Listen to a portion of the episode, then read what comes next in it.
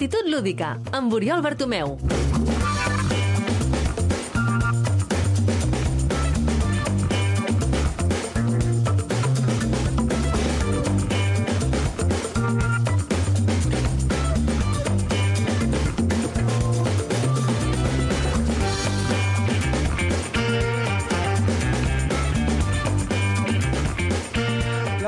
Las ponencias de esta tarde nos va a llevar a un viaje por el recuerdo, un viaje por la historia de Cripsoft, eh, los creadores, ese estudio creador de obras como Astro Marine Corps o Rescate Atlántida.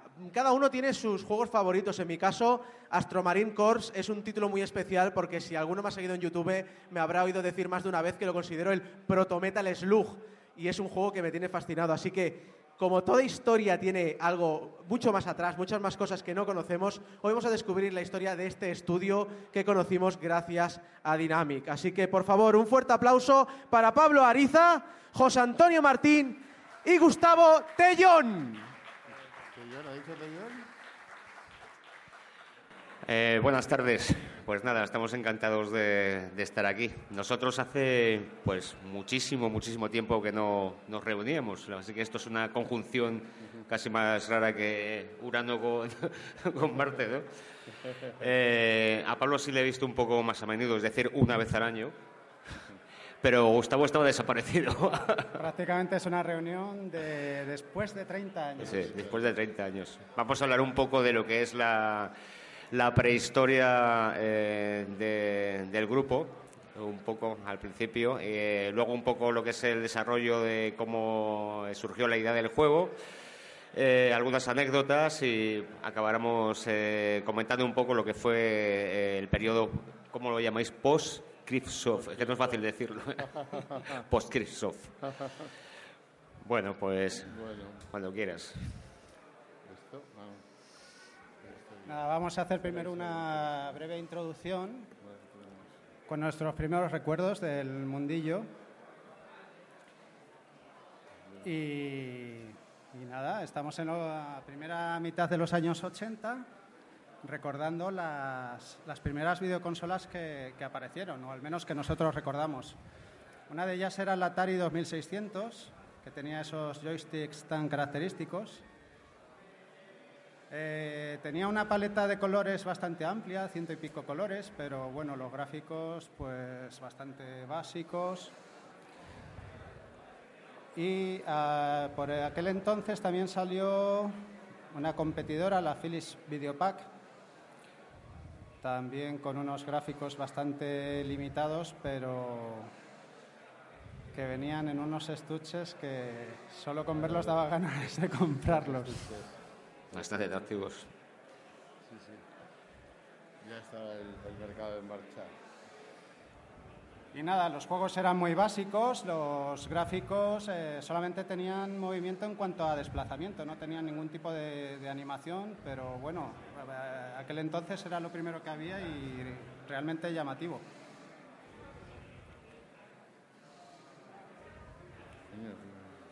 Eh, también por aquella época yo veo por primera vez un juego muy extraño, no me acuerdo si el ordenador era un IBM o un PDP, eh, era completamente eh, escrito, no tenía ningún tipo de gráfico y luego lo conoceríamos como aventura conversacional.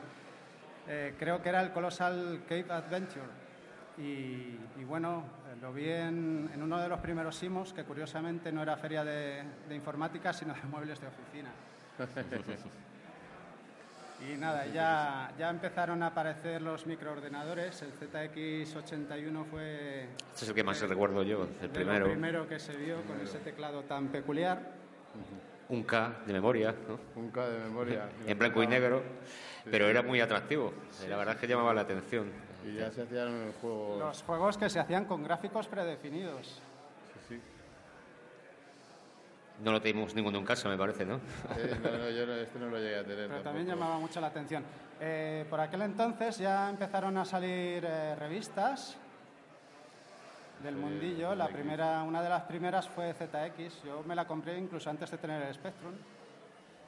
El, Este, el Bicomputer esta es el- los primeros fascículos que me compré yo con los que empecé mis, mis con los que empecé a aprender a programar con lo que se llaman en, estos fascículos que yo creo que, o eran cosas rea- realmente relativamente superficiales. Yo creo que ahora co- compraría estos fascículos y no sería capaz de aprender nada con ellos. Pero en, en aquel entonces tenía tanta ilusión que ya me parecía que con lo que había aprendido con esas revistas ya sabía programar y, y con ello empecé a tirarme para adelante. Se ha ido para atrás. Algunos pinitos empezaste a hacer ya.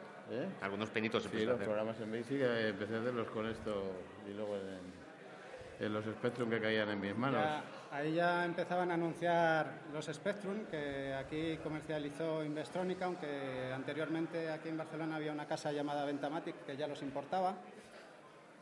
Y nada, y por fin cayó en nuestras manos el Spectrum. Y el micro hobby. Bueno, yo luego recuerdo que el primer Spectrum que tuve fue el de Pablo, porque a mí no me lo compraban ni con la excusa de que era para estudiar. No sé, todo el mundo utilizaba esa excusa. A mí me pasó lo mismo. Yo el primer Spectrum que tuve fue el Spectrum del padre de una amiga de mi hermana, que, que lo, O sea, que teníamos secuestraba, que iba, iba allí a, visitarles y les secuestraba el Spectrum. Teníamos Spectrum de oídas, prácticamente. Pero bueno, yo creo que cuando tú ya tuviste tu primer Spectrum cuando empezaste a hacer cosas, ¿no? Y hacer colaboraciones con revistas. Eh, sí, bueno, había empezado eso, había empezado a hacer mis finitos en Basic antes de tener el, el Spectrum. El, el también, mis primeros contactos fueron también con, con Amstrad ajenos.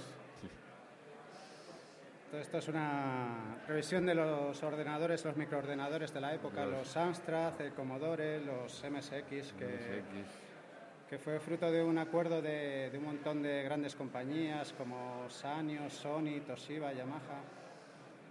Un ordenador bastante curioso.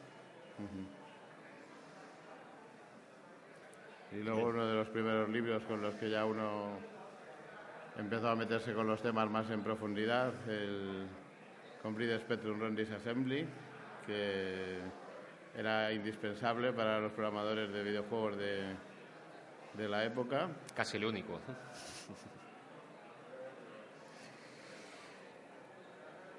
Y Bueno, nada, pues ya ya aquí termina la- esta es primera La introducción. introducción de, de la prehistoria.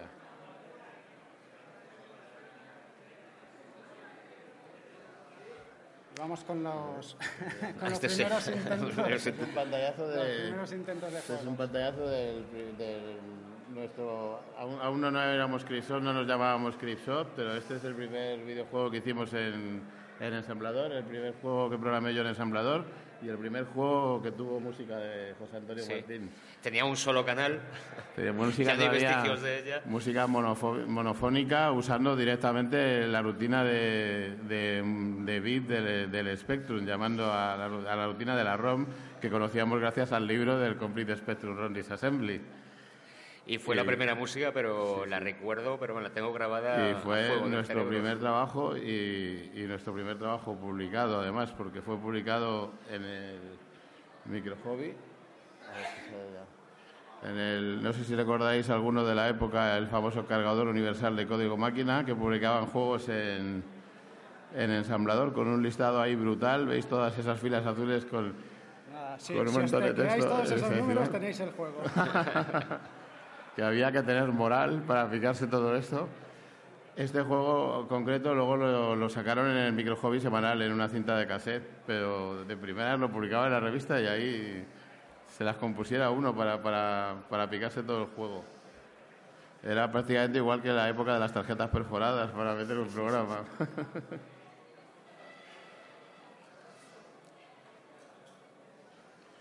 Luego ya llegó el COMEME, a raíz del martes ya comenzamos un poco a tener una relación con, con la redacción de Micro Hobby, entonces ellos me llamaron para proponerme la idea de eh, publicar una serie de artículos y entonces hicimos un poco el COMEME, que era un juego de plataforma muy al estilo de los de la época, un poco eh, muy de lejos, pero un poco al estilo del Profanation, eh, de Dynamic, que eran nuestros héroes ya por aquella época. Y lo publicamos en el Micro Hobby con, con 10 artículos. Este ta- juego también tenía música de... Tenía una De música José. de menú y luego mm, músicas en la- durante las pantallas, con lo cual tenía ya... En esto ya tenía música polifónica. Algo más serio, ya tenía dos canales. Ya habíamos visto el, el Fairlight, habíamos escuchado la música polifónica en el Spectrum por primera vez y ya no nos podíamos conformar con, con otra cosa. Y tenía la, la curiosidad además de que tenía la música eh, polifónica durante el juego, tocando la música durante un trocito de tiempo con, con las interrupciones a la vez que se pintaba el, el- las pantallas y Es curioso porque hay algún vídeo de, de este juego en YouTube, yo lo he visto. sí, teníamos, un vídeo por, a- No sé si por aquí, pero era sé, curioso Está, está aquí, verlo. esto es lo de los artículos que iban con el, con el juego, en la revista publicaron todo el... Coño, es que va esto... Bueno, ese es el... En la revista publicaron todo el plano plano de del juego, todas estas pantallas diseñadas a, a mano por mi hermana. Tengo, conservo todavía todos los dibujos en papel, aunque está el lápiz casi borrado, dibujadas a lápiz en hojas cuadriculadas así de grandes, todas las pantallas del, del juego.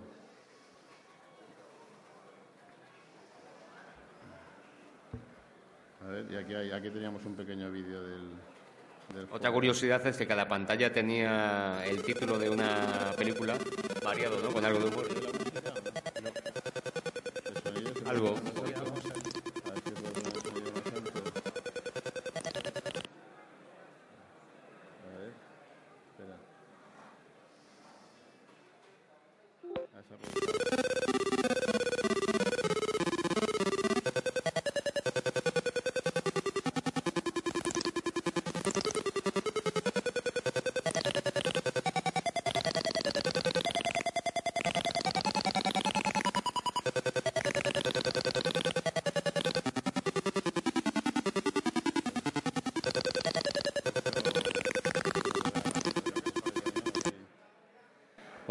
Ya de disponer de no dos canales era- de música. No era un juegazo todavía, pero hombre, ya era un paso comparado con el Marte que habéis visto anteriormente, ya era un, un paso adelante. Y lo cierto es que luego me, me encontré con mucha gente que me dijo que había aprendido a programar con el Comeme, con los artículos del, del micro hobby. Y a mí me hacía ilusión porque en el fondo yo todavía no me veía que, que supiera, que no me sentía un programador de videojuegos todavía, sin embargo había mucha gente que había aprendido con, con ello, ¿no? Y entonces ya sí, ya sí que después ya sí que comenzó un poco la historia de, de Cripsoft. Bueno, pues vamos a, a contar cómo surgió el grupo. Mientras estaba apareciendo en la revista Micro Hobby el artículo de Pablo de cómo programar el videojuego, a mí se me ocurrió crear un, un grupo de programación para diseñar videojuegos. Y de hecho envié el anuncio a la misma revista y salió sin WhatsApp, ni correo electrónico, ni nada. Teléfono fijo y ala, y dirección. Y nada, y Pablo contestó junto con otros dos interesados que al final no pudieron seguir y con Pablo vinieron Juan Carlos y José Antonio, que eran amigos de toda la vida. De toda la vida. Sí, éramos amigos del colegio. Y en- eh, eso fue, el anuncio salió a finales del año 86 y a principios del año 87 ya empezamos con el grupo ya, ya a pensar Ya- en Rescate Atlántida. Atlántida. Entonces, Bueno, ya la idea surgió y empezamos con bocetos, ¿no? A, a cuadrículas. ya pixelados. siendo, siendo un poco más, aunque al final el grupo se quedó más reducido de lo que la idea inicial con lo del anuncio de Gustavo, que pensábamos ser muchos más, como tres o cuatro programadores y para, para, para planificar el hacer un juego mucho más grande. Y eso, al final solo nos quedamos Gustavo y, y yo para programar y, José y Carlos y todos un poco para, para los gráficos. Todavía sin tener mucha idea de hacer un juego grande. Todavía el Cómeme para nosotros ya había sido, ya habíamos desgastado todas las neuronas que teníamos sobre el diseño de un juego, ¿no? Eh, empezamos a hacer bocetos, a, plan- a plantearnos, pues empezamos a hacer un juego con un fondo marino, en pintar peces. Bueno, ahí tenéis un ejemplo de lo útil que era el papel cuadriculado para diseñar los gráficos del gráficos de Spectrum. las ballenas. Aquí tenemos unos cuantos bocetos más, a ver. Esto no sé si se ve bien en la esta. No, se ve un poco pequeñito, pero bueno. Un montón. Se ve en el diseño de distintos peces. Las herramientas de diseño de la época eran un trozo de papel y empezar a pintar cuadraditos ahí, a dibujar peces. Aquí arriba veo también diseños del logotipo de Atlántida, sí. Sí, este era el diseño del logotipo del menú. Empezamos a hacer las primeras demos, eh, programas que nos ayudaban a, a ver movimientos, a, a los mapas. eh, mo- bueno, Estas son impresiones de... aquí, aquí se de puede apreciar el diseño original del, del protagonista, que, que luego cambió bastante. Sí. Estos eran varios estos. Básicamente con un muestrario de peces como este, con las animaciones de los peces saliendo del fondo y volviendo a entrar para adentro, y, y nada más, fuimos a, a enseñarlo a, a Dynamic, a enseñárselo a Víctor Ruiz, y, una demo de una especie de scroll de una versión anterior que era prácticamente todo el fondo monócromo porque era un scroll píxel a píxel originalmente y no tenía colores. Y con esto empezó no, sé si está, cómo la lo cierto es que todavía no teníamos nada pero de alguna manera Víctor tuvo la, la visión de ver que, que de, que de ahí podíamos sacar un, un juego ¿no? y, y desde ahí empezamos a aunque seguimos desarrollándolo bastante bueno las diapositivas de Dynamic no sé están, no sé dónde están, están tarde, después pero lo cierto sí lo que pasa es que Luego, luego.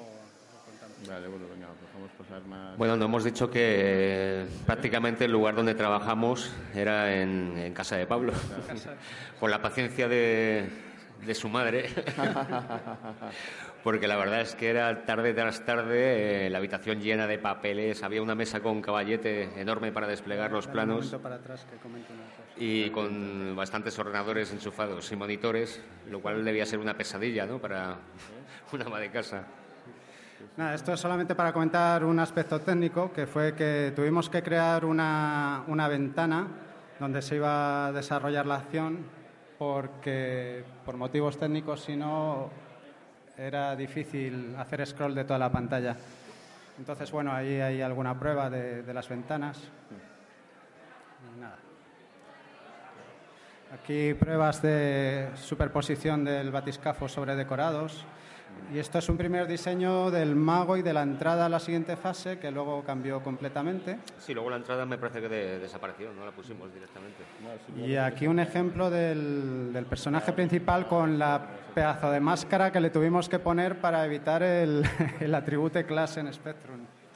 Sí, sí, aquí no sé si se... No sé si se aprecia cómo el, el dibujo era... era El, el dibujo de la vegetación iba escalonado en cuadrados y tal para ir disimular. a, a la forma de los, de los caracteres del Spectrum, para que no se mezclaran los colores.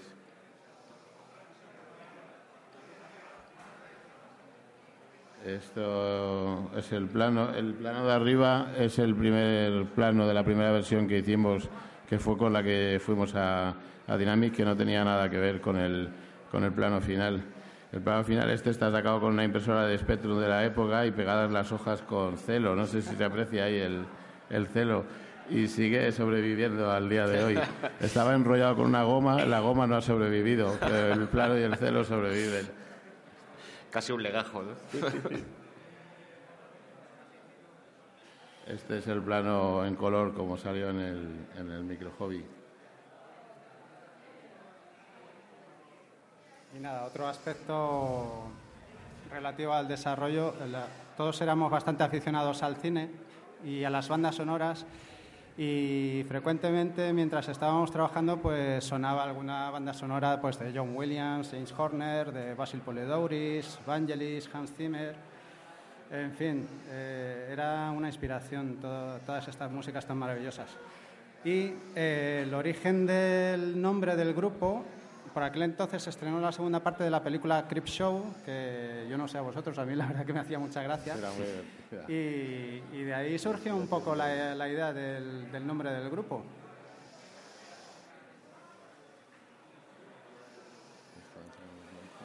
Y bueno, llegamos a hablar de Dynamic, que aceptaron, les interesó la demo que les llevamos.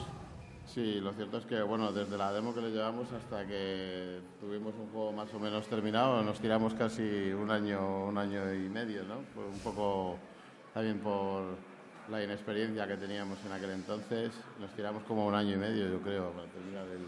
La verdad que tuvimos bastante ayuda de, de, su parte, tanto con medios técnicos como ayuda por parte de personas de allí. Sí, como un poco de, de apoyo moral o no sé qué. Y confianza. Bueno, los que, Mucha los que confianza. cono- los que conocen a Víctor Ruiz saben como a- el papel que jugaba un poco con los equipos y que siguió jugando después un poco de como de mentor, de, de casi de, de asesor espiritual, no sé, de, de guía espiritual, ¿no? un poco como los como los lamas. Y Y nada, como y- que sí que o sea, aunque al final no, no es que tampoco nos, nos impusieran nada, ¿no? pero de alguna manera sí que ayudaba a que al final llegáramos a, a a sacar las cosas a buen puerto. por ¿no? aquel entonces estaban en la planta 27 de la Torre de Madrid y la verdad que era una pasada ir allí a... No sé si os pasaba a vosotros, pero era como ir a Hollywood, ¿no? Estar en la meca. Era una sensación muy extraña. Y otra de las cosas que nos consiguió pues fue la, la portada del juego que la diseñó Enrique Ventura, que a mí personalmente me, me gusta muchísimo. Y que yo nunca había visto como ilustrador, porque yo le conocía más bien como dibujante de Dibujante cómics, de del jueves, sí. de, de humor. De hecho, y yo creo me que no tiene mucho que ver el estilo de... Sí, sí. Lo cierto es que yo no sé si he ido muchas más portadas de juegos, pero... no- Eh, ¿No hizo la del Freddy Hardes también? La Me del. Freddy Hardes Pero era más en plan caricatura. sí. Sí, pero no, no hizo muchas más. Pero lo cierto es que es verdad que este es un estilo no, no muy habitual en él, ¿no? Y nada, ahí tenéis las pantallas de carga de las diferentes versiones, que bueno, quedaron bastante aparentes. Bueno, fotos y looks de la época. Sí, somos nosotros. Ahí, ahí ya, yo no, ya no estaba yo porque fui llamado a filas, tuve que irme a hacer la mili y bueno, ahí ya me partieron mi, mi carrera como programador de, Sí, sí. de videojuegos de éxito. Pero bueno, ya, ya habías puesto en marcha Cryptsoft. Estos son los- el, el anuncio del rescate Atlántida. Esto, el, Entrevistas. el juego salió finalmente en mayo del 89, si no recuerdo mal. del 89. Entre lo que tardamos nosotros en terminarlo y que estuvo un tiempo parado, por, supongo, por motivos comerciales. Al final fueron dos años, eh, Sí, prácticamente. al final fueron casi dos años. Sí, pero es que nosotros nos tiramos más de año y medio en hacerlo. O sea, que, que también...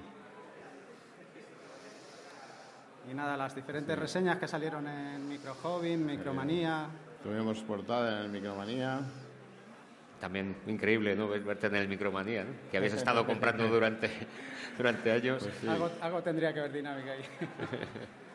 Y bueno, lo cierto es que eso, luego las ventas del juego tampoco fueron espectaculares, pero mm, también era un, un momento en el que parecía que ya, las ventas eh, en general ya no eran tan espectaculares como habían sido en los años de, de anteriores, los años gloriosos de Ultimate o, o todo esto, o los, o los años gloriosos de la, de la propia Dynamic.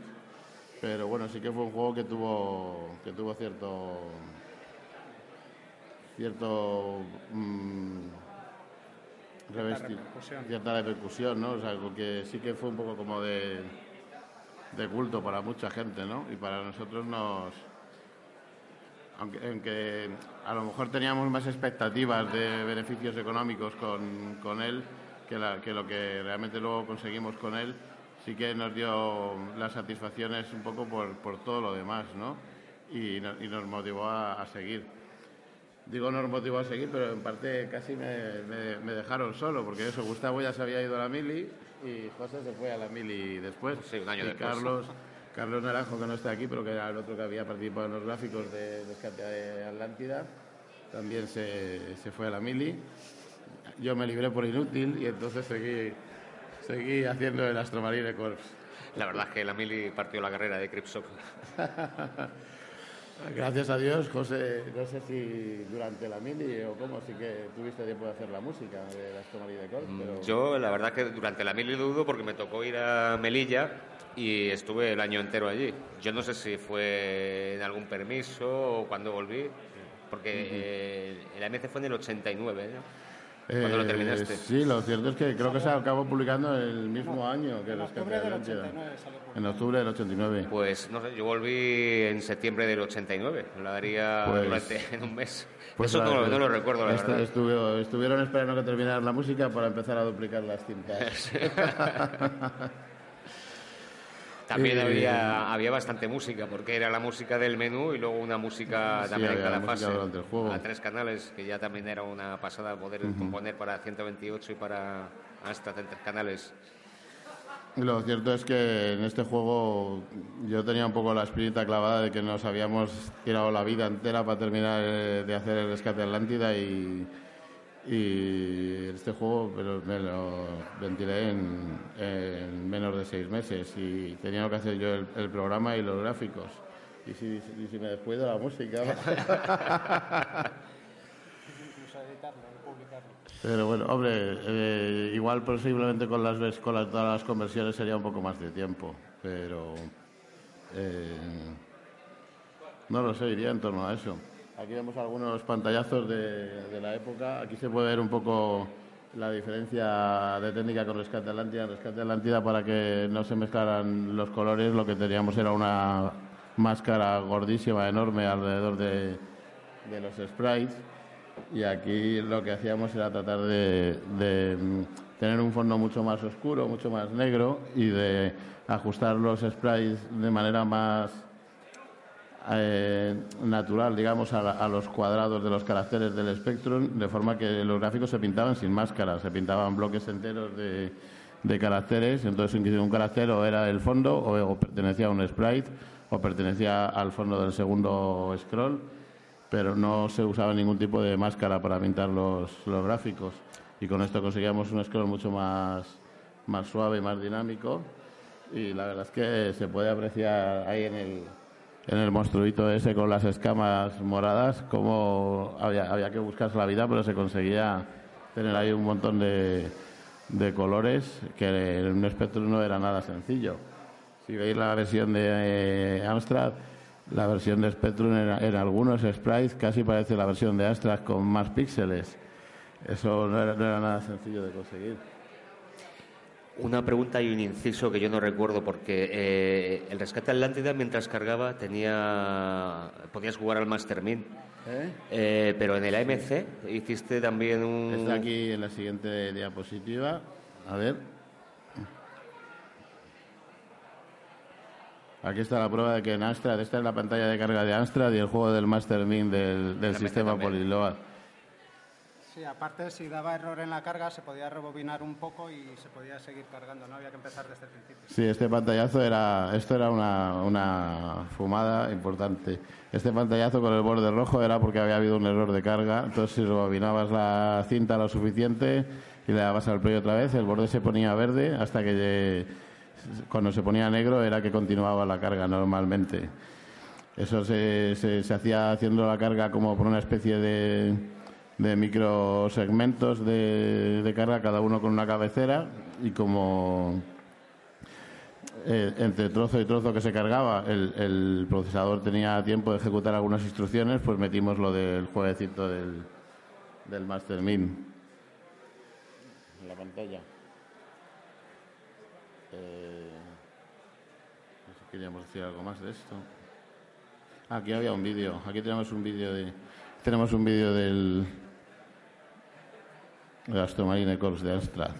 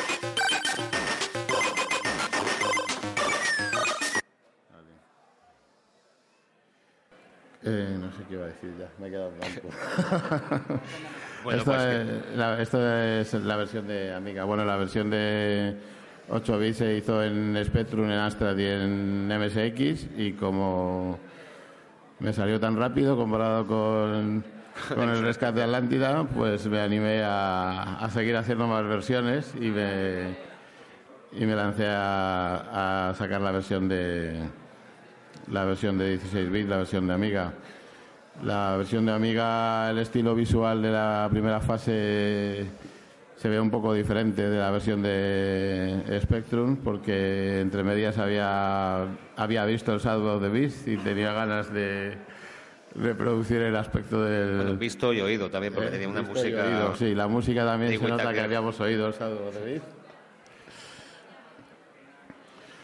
Pero bueno, aunque lo cierto es que no tuvo la acogida ni la repercusión que tuvo la versión de las versiones de Spectrum y de Amstrad de las Coast, yo también sí que me siento muy satisfecho con el, con el resultado, porque también sufrí mucho con las limitaciones, entre comillas, de la Amiga 500 para conseguir lo que yo quería hacer. Y tampoco conseguí del, al 100% hacer lo que yo quería hacer, pero bueno, conseguí hacer unos planos de scroll y unos colores. Si lo comparáis con el Shadow the Beast, veréis que... ¿Eh? Tenía que hacerlo, sí, pero lo que tenía sus dificultades, ¿eh? Bueno, hasta que llegó Ricardo Puerto e hizo Risky Wood, pero... pero porque yo le puse sobre la pista sobre cómo hacer las cosas, si no, no lo, no lo habría podido hacer. Pero lo cierto es que, eso, si os- lo comparáis con el Shadow of the Beast, los sprites del Shadow of the Beast eran de cuatro colores porque eran los sprites de hardware y no y usaban usaban ya el, el, fondo del, del blitter de software para pintar los- el fondo en muchos colores y luego resulta que los enemigos eran muy planos algunos porque no, no tenían colores y conseguir hacer lo, que hacía las tomarinecos con esos sprays tan grandes, con todos esos colores, incluso en el Amiga no era tan fácil como parecía. Porque tenía mucho hardware, pero también tenía sus límites. Pero bueno, yo creo que salió una cosa buena. Como curiosidad, eso, parte de los gráficos, sobre todo de la segunda fase, el monstruo ese final que, que hay abajo, son gráficos de, de Raúl López, el que trabajó con Ricardo Puerto en, Zeus, los que hicieron Risky Boots. Y Raúl López vivía en, en San Sebastián, en Donostia, y me mandaba gráficos prácticamente un día sí y otro no por correo urgente, porque entonces no había internet. Y me los mandaba en disquetes, hablábamos por teléfono y así se montaron los juegos del, los gráficos del, de la Amiga. Tenemos aquí un, un vídeo también. Aquí está, me parece, lo de la. no, aquí está la.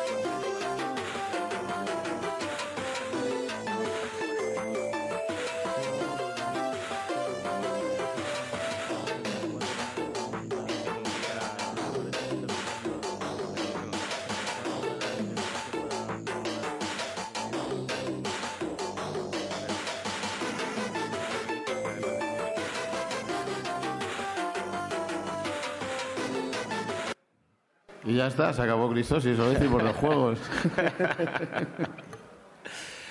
Bueno, una pequeña trayectoria después de, de Cripshot. eh, un poco cada uno por su lado. Aunque yo a veces coincidía con Pablo, yo seguía haciendo algo de música para Dynamic, para ya solo prácticamente, vamos, solo para Amiga. La primera que hice para ellos después de la MC fue Narcopolis. No sé si tienes ahí un vídeo. Tú. Eh, el, aquí hay vídeo, pero este vídeo no tenía sonido. No tiene sonido. Pero bueno, no sé qué. si quieres. Se puede ver el vídeo, pero no tiene sonido. Así que no se tiene mucho sentido. Nada, venga, de todas formas, no tenía nada más que la música del este tema principal. Esta es la única música que yo hice para un juego que no era Dynamic. Era para el Oberon 69, era para la casa GLL Software y el grupo que hacía el juego se llamaban Diabolix. Diabolix. ¿Te acuerdas? Sí, es que no me acuerdo cómo contactamos con ellos, no sé si fue a través del... Yo, yo, creo, que, yo creo que... Yo sé que estos también me pidieron como un, un juego de de rutinas como una base para, para poder hacer una conversión a la amiga y les di como un juego de rutinas pues para reproducir las músicas de Soundtracker, para pintar unos sprites para volcar unos gráficos a pantalla o no sé para qué más. Y, y luego le pidieron la música a José y luego el, juego lo hicieron el juego lo hicieron ellos. Tuvimos una colaboración un poco distante. Sí. Distante, pero. Y bueno, esa fue la única incursión fuera de Dynamic.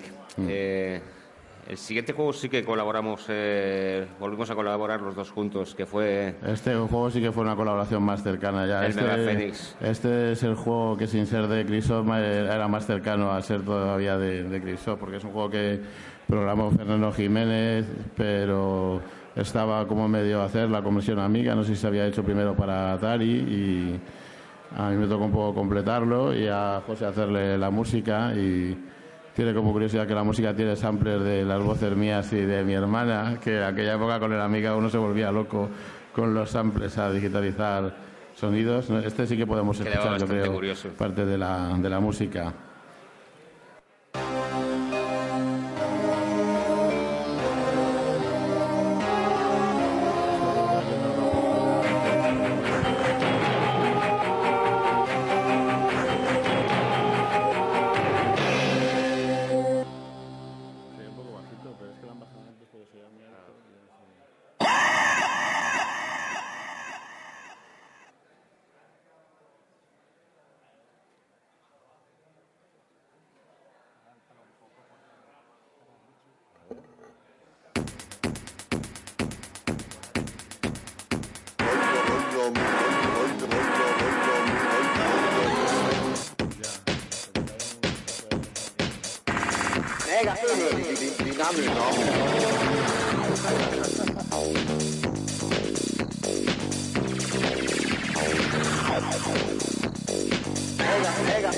mega, mega, mega, mega, mega, mega, mega.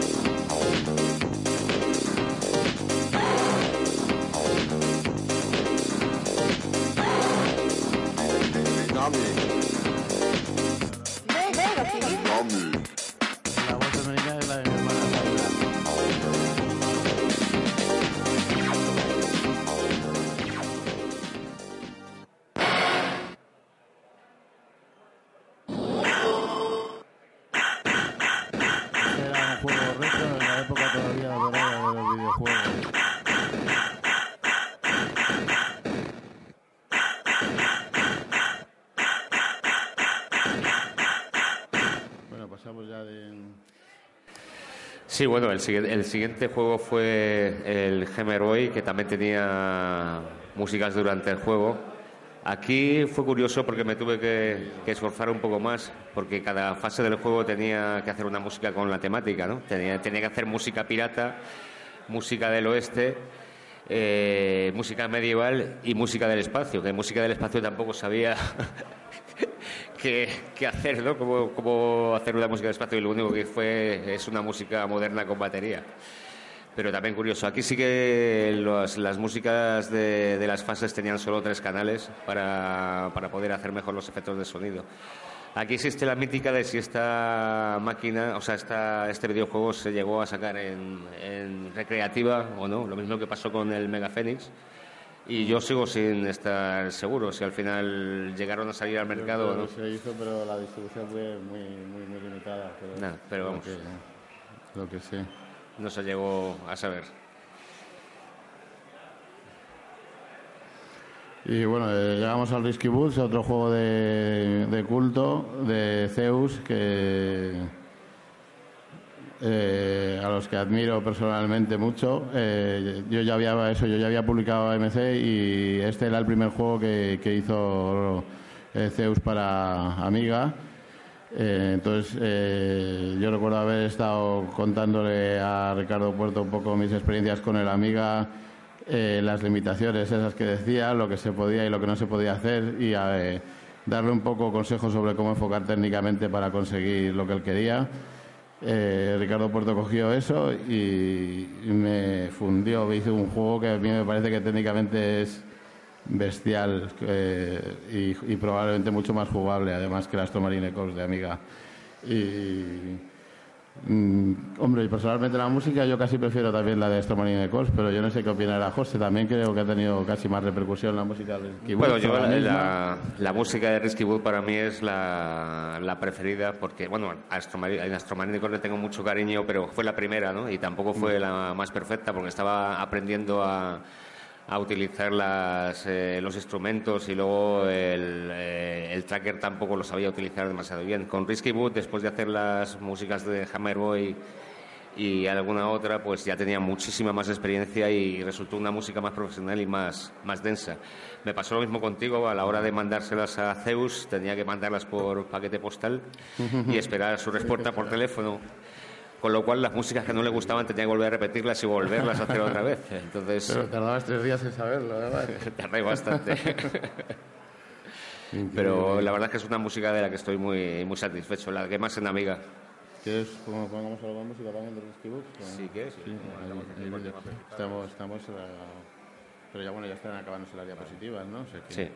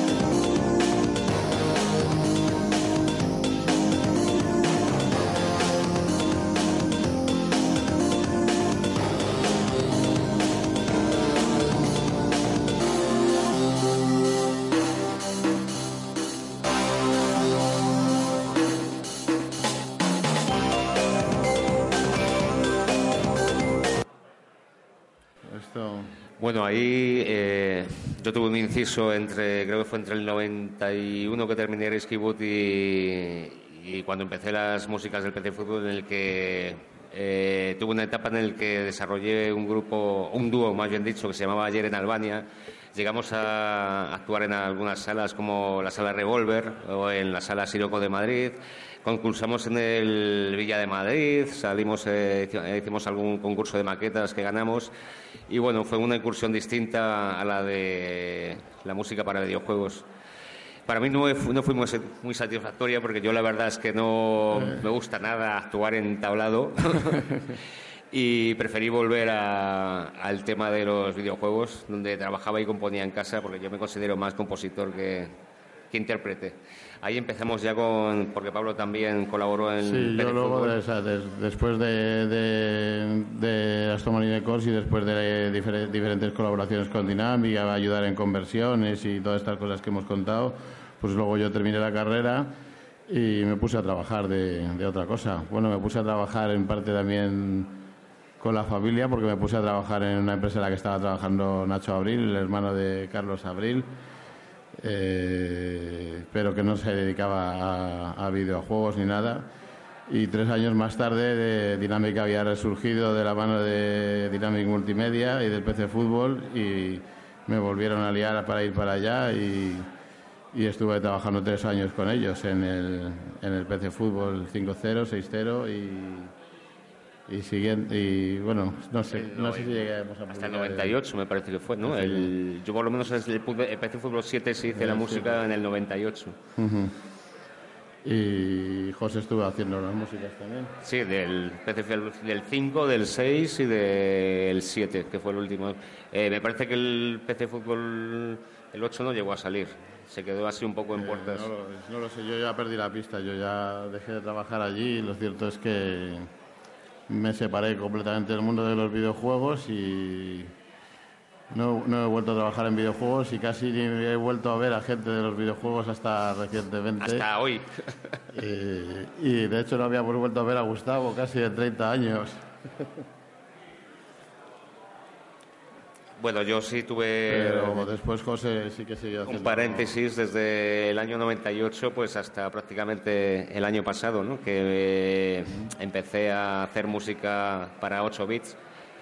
Es como empezar desde el principio, pero también me encantaba hacer este tipo de, de música para el chip i.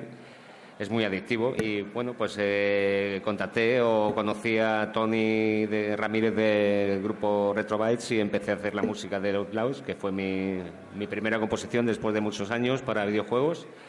Ganamos algunos premios en la CPC RetroDev, con lo cual fue un año más intenso y una vuelta muy satisfactoria.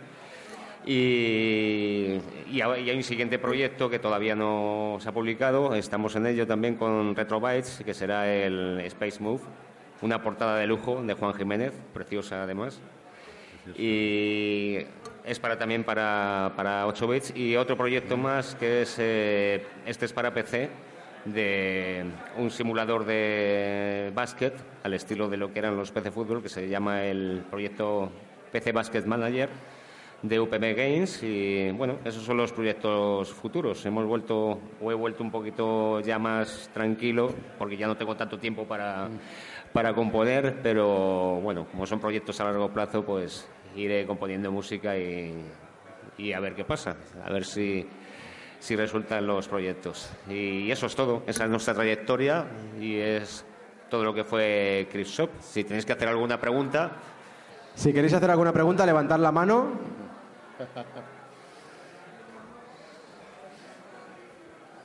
¿Alguien más, por cierto, quiere hacer preguntas?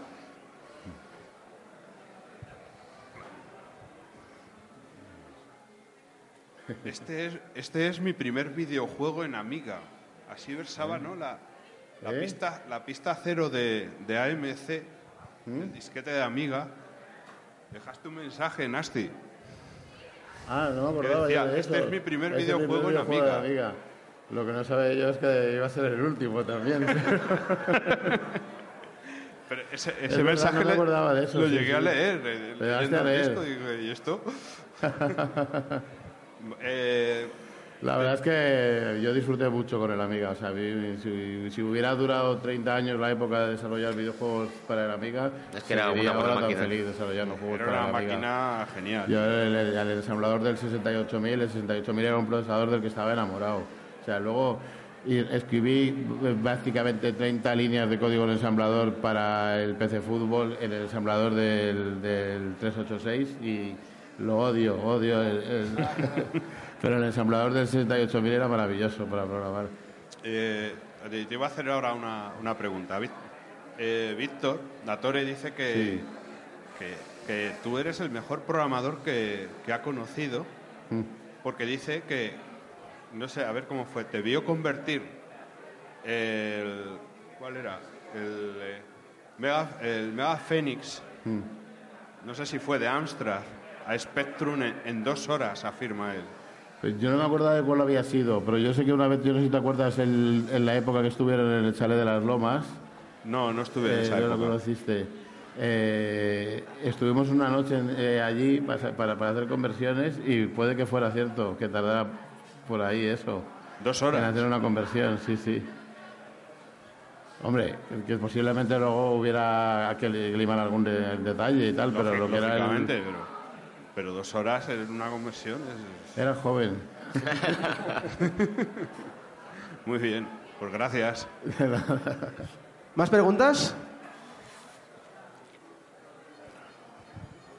Eh, buenas. Eh, primero que muchísimas gracias por darnos a conocer eh, un, pe- un poquito que para nosotros es muy importante.